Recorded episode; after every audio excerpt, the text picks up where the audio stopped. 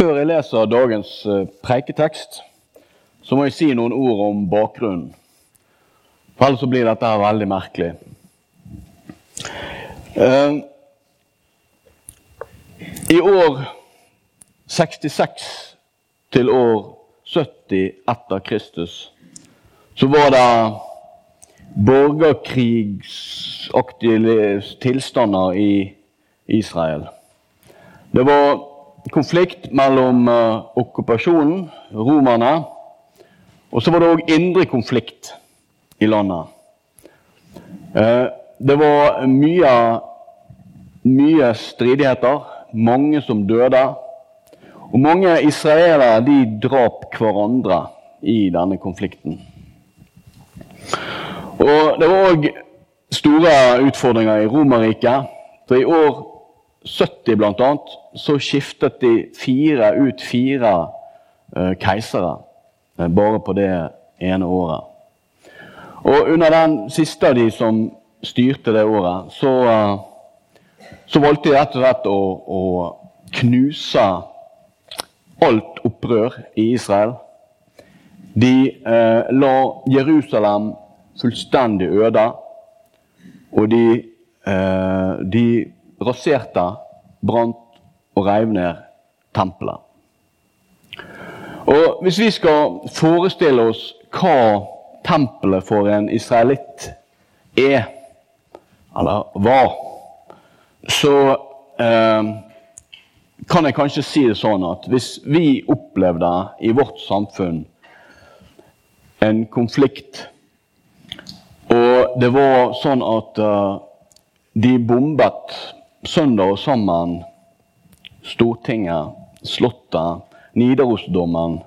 Her lokalt alle kirkene, rådhuset, kulturhuset. Alt som, alt som vi føler er vårt samfunn, det ble ødelagt. Eh, og en kan si ja, men vi hadde i alle fall hatt, hatt heimene våre. Nei, for det de opplevde på den tiden, det var at naboer drap naboer. Så til og med heimene våre hadde ikke vært trygge. Og hva ord ville vi satt på en sånn tilstand? Ville vi sagt at himmelen faller ned? At alt blir mørkt? At det er en fullstendig undergang? Ja, jeg tror kanskje vi ville sagt det. Og i denne tiden så skjedde det mye. Det var mange som mente at de hadde løsningen på problemene. De erklærte seg sjøl som Messiaser, som redningsmenn utsendt av Gud.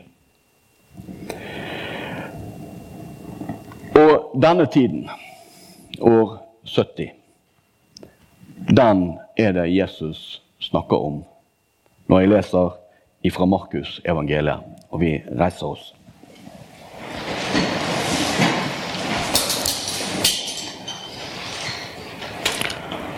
Om noen sier til dykk, sjå, her er Messias, eller sjå, der er han, så tru det ikke. For falske Messiaser og falske profeter skal stå fram og gjøre teikn og under, for å føre vil de utvalgte, om de kan. Så vær på vakt. Jeg har sagt dykk alt på førehånd. Men i de dagene etter denne trengseletida skal sola formørkjast, og månen miste sitt lys. Stjernene skal falle fra himmelen, og kreftene i himmelrommet blir rokka. Da skal de se menneskesonen komme i skyene med stor makt og herligdom. Han skal sende ut englene og samle de utvalgte fra de fire verdshjørner, fra den ytste enden av jorda og til den ytste enden av himmelen. Slik lyder det hellige evangeliet. Så.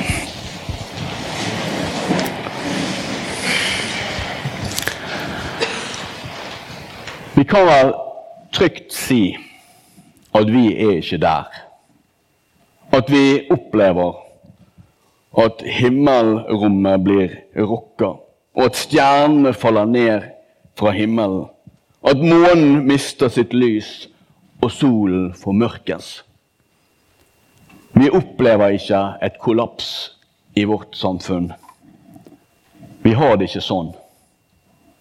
Og jeg må ærlig innrømme for dere at eh, dette med endetiden og Jesu gjenkomst det ligger ikke så veldig langt framme i hjernebasken for meg til vanlig. Det har gjort det denne uken fordi jeg har forberedt denne talen, men ellers så skal jeg ærlig innrømme at det ligger ikke der så veldig langt framme. Og jeg tror faktisk det har litt sammenheng med at jeg har det egentlig tålelig greit. Jeg har ikke en veldig lengt etter at Jesus skal komme tilbake. Og Kanskje så er det òg lett for oss å tenke Når vi sier trosbekjennelsen, så er det liksom Dette er vår kristne tro. Eh, men jeg tror ikke på alt av det. Og kanskje så er det lettere å tro på det som har skjedd. Sånn som når vi sier 'Jeg tror på Jesus Kristus, Guds enbårne sønn, vår Herre', som ble unnfanget, osv. Ja, han ble jo unnfanget av Den hellige ånd og født av Maria Møy. Det skjedde jo. Og det er en del av vår Ja, det er en del av hvem vi er. Men så sier vi noe på slutten av det, av det hele med Jesus. At han skal komme og dømme levende og døde. Og da er vi plutselig på noe som ligger foran oss. Og da har jeg tenkt på det At når Jesus kom, så virka det som om at det var en kjempeoverraskelse, på en måte. At, eh, at han ble født i en stall. Sånn, nei, det var det noen gjetere som fikk oppleve. Det var ikke noen sånn stor bevegelse rundt det. At det var, ja, det var klart. Messias ble født nå i Betlehem, og det visste vi om, og det, det støtta vi. og Klart det. Nei, det var nesten ingen som visste om det. Og de som visste om det, de dysset det ned. Mange av de i alle fall. Så at eh, Jesus han kom til jorden og det var blitt forutsagt i profetier. Det står i Gamle testamentet masse om at Jesus skulle komme. Messias. Men når han kom, så var det sånn Oi, ja, der var han visst. Og så var det sånn da, at noen valgte å tro på han, og noen ikke. Og hvis vi, hvis vi prøver å, å se på hvem var det som valgte å tro på han, og hvem gjorde det ikke? Så, så er det nesten sånn at jo mer eh, hva skal jeg si, Jo mer beleste og jo mer rettskafne de var, jo vanskeligere var det å tro på Jesus, virker det som. Det virker som om at de som trodde på ham, det var de som var lengst nede. De som var minst belest. De som hadde gjort mest gale.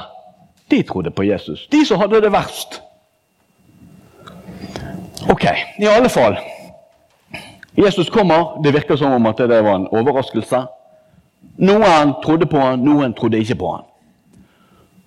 Og så er det altså nå Så sier Jesus om framtiden at han skal komme igjen.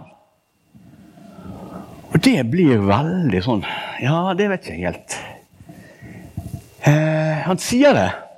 Men eh, det har ikke skjedd, og jeg er litt sånn usikker. Vel, Jesus sier noe her i denne teksten om noe som skulle skje etter hans død og oppstandelse. Og det skjedde. Det som han sa, det skjedde. Han bruker ord fra bibelsk språk om at solen skal formørkes og månen ikke også Alt skal falle sammen. Og for en israelitt så falt alt sammen når tempelet ble lagt øde. Hele tilværelsen falt sammen. Så når Jesus da sier 'men jeg skal komme igjen en dag', så bør jeg kanskje lytte til det. Men hva så? Jeg må innrømme, og nå er jeg på det personlige nivå her, det er at jeg frykter litt at Jesus skal komme igjen.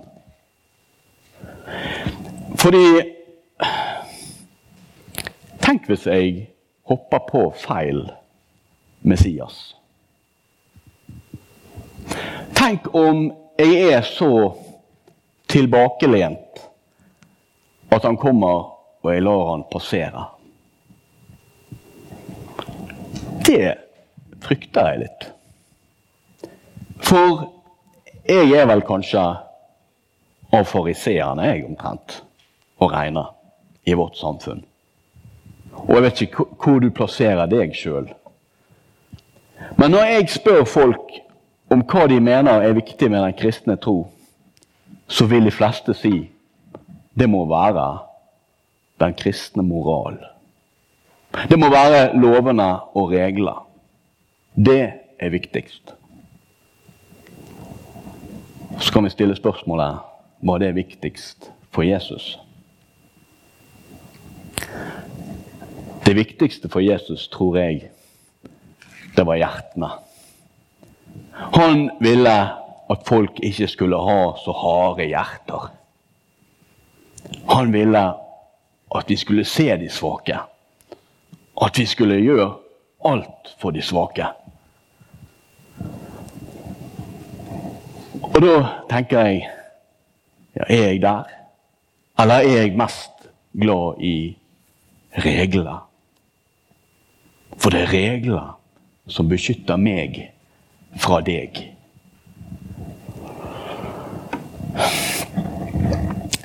Så tenker jeg videre igjen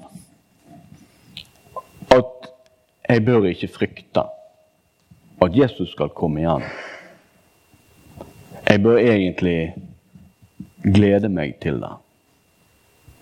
Fordi om jeg har det bra her og lever i mitt lille paradis,